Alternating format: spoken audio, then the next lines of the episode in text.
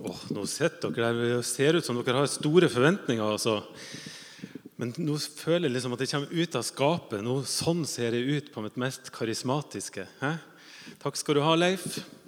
Vi får se da om eh, vi svever under taket her før vi gir oss.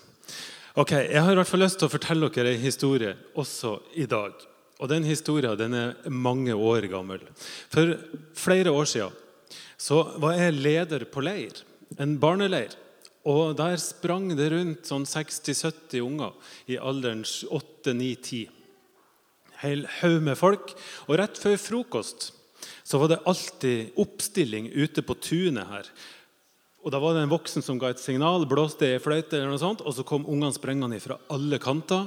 Og så stilte de seg opp, og så fikk vi gitt viktige beskjeder og så fikk vi sjekka at alle var der.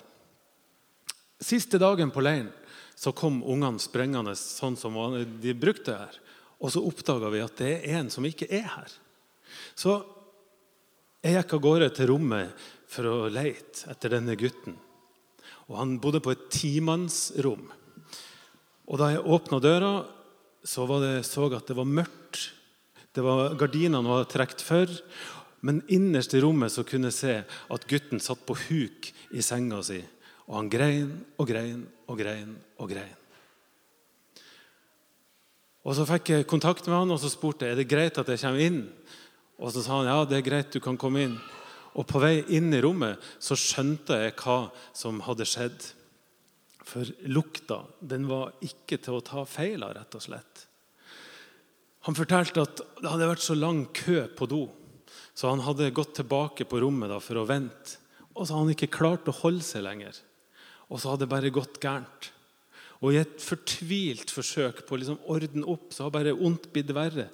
Så hadde det bare blitt avføring overalt. Og nå var det avføring på gulvet og på veggen og i senga og på bager som lå der. Det var overalt. Og nå satt gutten der, stakkar, ni-ti år, på huk og grein. Og så så han på meg og så sa han, jeg er så redd for at vennene mine skal oppdage dette her. Og Jeg visste ikke hva jeg skulle gjøre. Men jeg tenkte at hvis jeg bare sitter sånn på huk lenge nok, så vil det kanskje gå over av seg sjøl. Har noen av dere vært så langt nede noen gang i livet at dere ikke klarer å tenke rasjonelt, ikke klarer å tenke klart, men havner i fosterstilling nærmest, helt ute av stand til å gjøre noen ting? Så langt nede havna denne stakkars gutten. Han hadde kobla ut all fornuft og håpa at det skulle gå over av seg sjøl. Av og til så er det fint å være voksen. Hæ? Jeg er ordentlig digg. For det, jeg visste jo at dette skal vi ordne. Dette kommer til å gå bra. Så jeg sa ja, men du, nå skal du bare sitte der og vente bitte lite grann. Så gikk jeg, og så ga jeg beskjed til alle som sto ute og sa at det er i orden. det er ingenting å vente på, Bare gå og spise frokost. Og så gikk jeg tilbake til gutten. og Det første jeg gjorde, det var å få hjelp han over tunet og inn i dusjen som lå på andre sida, sånn at ingen så han. Der fikk han vaska seg rein. Der kasta vi de gamle klærne hans rett i søpla. Og så fikk vi på han noen rene, nye, nyvaska klær. Så gikk vi tilbake til rommet, og så vaska vi og ordna opp etter alle kunstens regler. Vi gjorde det så rent at jeg tror faktisk det er lukta nyvaska der fortsatt. Og etter ei lita stund så er vi ferdig. Og så står vi der og ser på hverandre. Og da så jeg altså inn i et ansikt jeg aldri, aldri, aldri kommer til å glemme. En sånn glede, det tror jeg bare barn og kanskje noen pinsevenner er i stand til å framkalle. Han sto der og så på meg, og så klarte han ikke å stå i ro. Men han sa 'Tenk at dette gikk bra!' Det hadde jeg aldri trodd. Og så smilte han så det nesten gikk rundt der. Og så begynte han å flire, og så begynte han å hoppe rundt, og så strakk han hendene i været og sa han 'Yes!' Og jeg sto der på mitt mest karismatiske og så på han og tenkte at dette er vel noe av det mest meningsfulle jeg har vært med på på lang, lang tid. Det er noe med det, dere. Glede, altså. Glede det er det vakreste som finnes. Glede har en enorm kraft. Og Det er så deilig med glede som ikke lar seg stoppe, med sånne gledesutbrudd, sånn som denne lille gutten hadde. Det må bare ut. Det må uttrykkes. Og dagens ja, ikke store spørsmål, dagens lille spørsmål det er jo hva er det som skal til for å få dere til å uttrykke sånn spontan glede som bare må ut. Og jeg mener Her i Kraftverket så er det et betimelig spørsmål, for vi er jo ikke akkurat den mest utagerende gjengen. Så det skulle være artig å vite hva er det som skal til for at det skjer noe her. sant? Men dere, glede det kan ligge der i overflata og være veldig synlig. Men glede ligger ikke bare der. Glede kan også være noe helt grunnleggende i livet. Det kan være en tilstand som vi kjenner, der vi kjenner at livet har mening, at livet har verdi. Og Sjøl om vi ikke er liksom hoppende glad hele tida, så kan vi være glad over livet. Være fylt av glede over alt det vi har. Og Nå leste Andreas en tekst fra Bibelen som er altså Marias lovsang. Og Marias lovsang det er en av de vakreste tekstene i Bibelen. synes jeg. Den inneholder begge disse perspektivene rundt glede. Marias lovsang det er et uttrykk for spontan glede og takknemlighet som bare må ut. Og så er det også disse ordene et resultat av at Maria har funnet en grunnleggende glede i livet. Foranledninga Leif var så vidt inne på det. Foranledninga er altså at Maria fikk besøk av en engel. Først så ble Maria redd. Men så sa engelen det som Guds engler bruker å si. Han sa, 'Frykt ikke'. Jeg har kommet til deg, for jeg vil det noe godt. Jeg vil at du skal ha det bra. Og jeg vil at, og Nå skal du få denne beskjeden. Du skal føde Guds sønn, og du skal kalle han Jesus. Gud har valgt det til denne spesielle oppgaven, sier engelen til Maria. Og Maria hun kjenner at ja, dette er bra, dette er rett. Så hun sier ja, jeg er Herrens tjenerinne. La det bli sånn som du har sagt. Hun jubla ikke akkurat der hun sto foran engelen. Hun var mer forundra. Hun spurte hvordan er dette mulig. Hvordan skal dette skje? Og Så fikk hun til svar at ingenting er umulig for Gud, og så ble engelen borte. Jeg vet ikke hvordan noen av oss ville hatt det i en sånn situasjon, men jeg tenker i hvert fall sånn at Maria hun må ha følt seg litt spesiell der hun sto. Gud har sett henne. En engel har vært på besøk, og her er hun utvalgt til en oppgave som er så stor at den kommer til å forandre alt. Men nå må vi huske Maria er altså ei ung jente. Hun er 13-14-15 år gammel. Der omkring. Ei fattig tenåringsjente fra en fattig landsby. Hun må ha følt seg litt usikker også. En ting er skammen som hun visste måtte komme over at hun var gravid. Hun var ikke gift, hun var lovt bort til Josef, og Josef var ikke faren. Og hva kom folk til å si? Og hva kom Josef til å si? Dimensjonene er større enn som så. Skal jeg gjennomføre menneskehistoriens eneste jomfrufødsel, ærlig talt. Hvordan forholder en 14-åring seg til noe sånt? Skal Gud komme til jorda gjennom meg? Hva er dette for noen ting? Er det på alvor? Er det sant? Var engelen på ekte? Det står ingenting i Bibelen om hva Maria tenkte.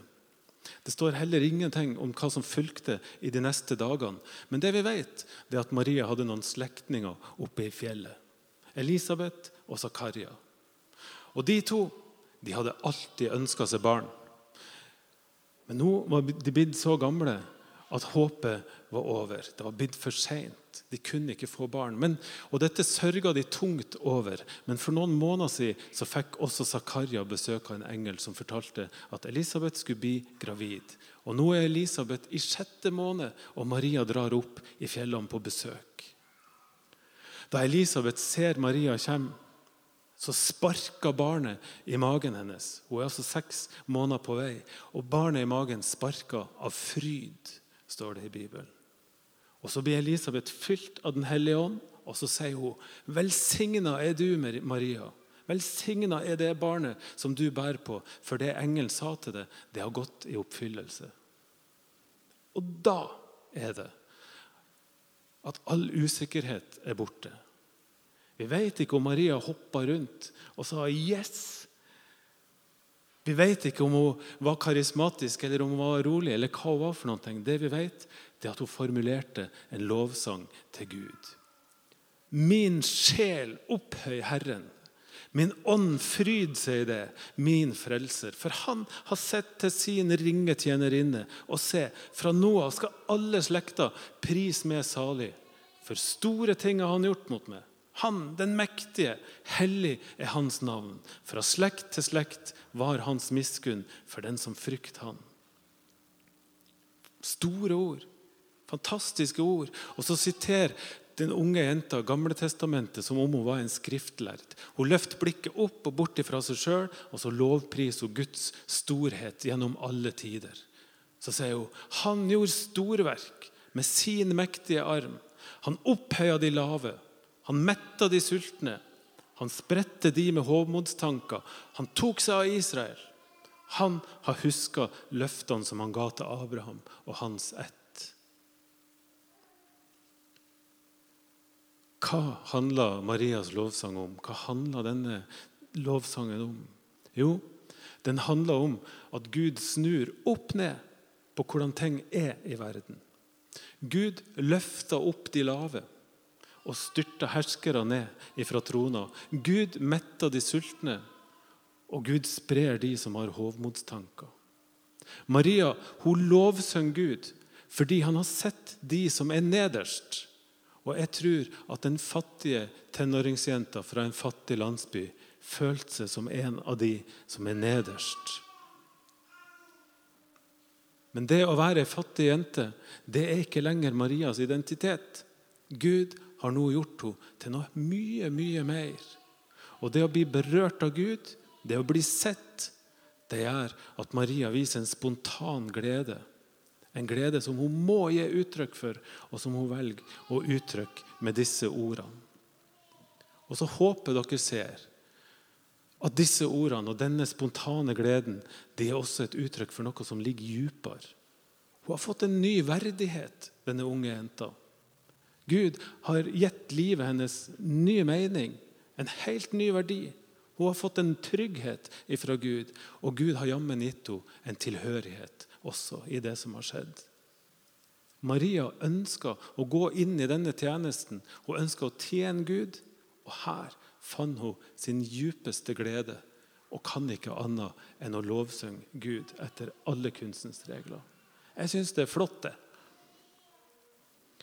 Og Jeg vet som sagt ikke hva som får dere til å juble uhemma der dere sitter, eller der dere sitter.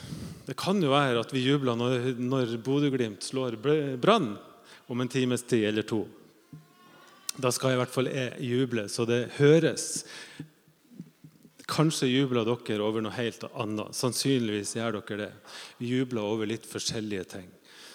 Men jeg tror at det som gjelder for oss alle Bodø-Glimt slår Brann, altså. Det blikket skal jeg heller aldri glemme, du bergenser der ute, Andreas.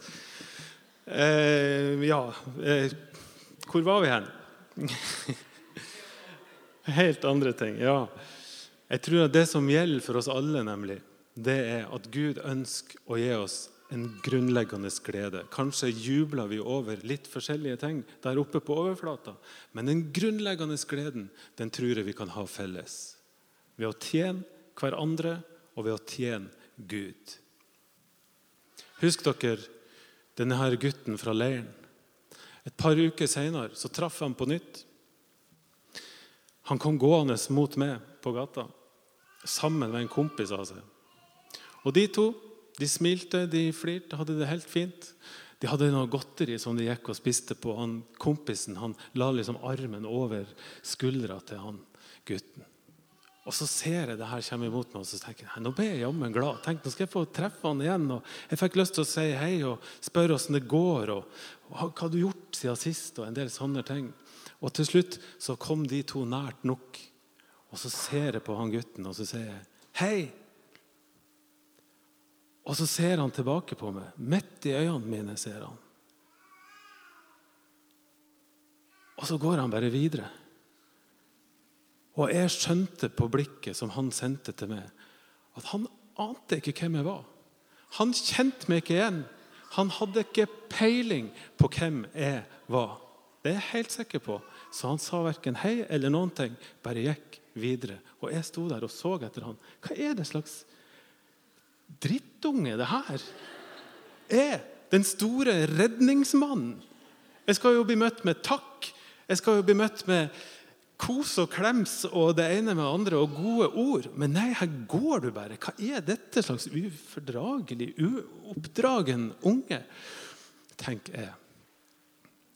Jeg tenkte ikke akkurat det, men jeg kjente et lite stikk. Hva er dette for noe? Legg merke til mitt fokus der er et helt annet enn det Maria hadde.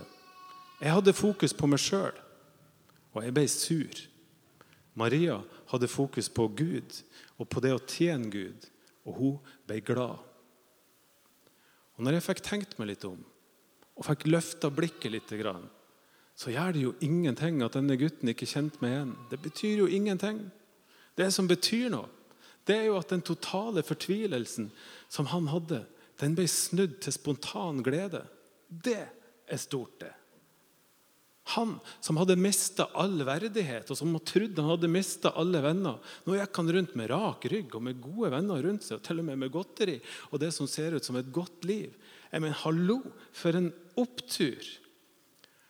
Tenk hvor heldig jeg er som fikk lov til å se dette her. da. Hvor heldig jeg er som fikk lov til å være med på det og oppleve dette på nært hold. Det er jo jeg som skulle ha takka han. Og jeg tenker at det at jeg fikk lov til å være med på det, det gir jo livet mitt verdi. Det gir livet mitt verdighet. Det heter seg dere til slutt at den største gleden man kan ha, det er å gjøre andre glad. Og jeg tror at Gud ønsker å gi oss alle som er her, ei oppgave. Kanskje ikke ei like heftig oppgave som det Maria fikk. Men ei oppgave der vi på en eller annen måte er i det godes tjeneste. Husk at ved å tjene hverandre, så tjener vi også Gud. Og dagens budskap er enkelt. Å tjene Gud, det er ikke en tung plikt. Men det er tvert imot noen ting som gir livene våre djup mening. Det gir livene våre djup verdi. Det gir oss verdighet. Det gir oss en tilhørighet til hverandre og til Gud og til den store historien som han har skapt. Og det å tjene Gud gir oss en grunnleggende glede. Den samme gleden som gjorde at Maria sang sin lovsang. Så stor glede faktisk at jeg tror sjøl den mest tilbakelente kraftverker en sjelden gang kan bli frista til å løfte i hvert fall handa litt opp og rope, om ikke halleluja, så i hvert fall yes. Nå skal vi synge til Gud, og vi skal synge vår lovsang til Gud sammen. Og vi skal synge at vi ønsker å gi Gud, gjøre livet vårt til en lovsang til Gud. Og når vi har gjort det, så skal vi ha nattvær.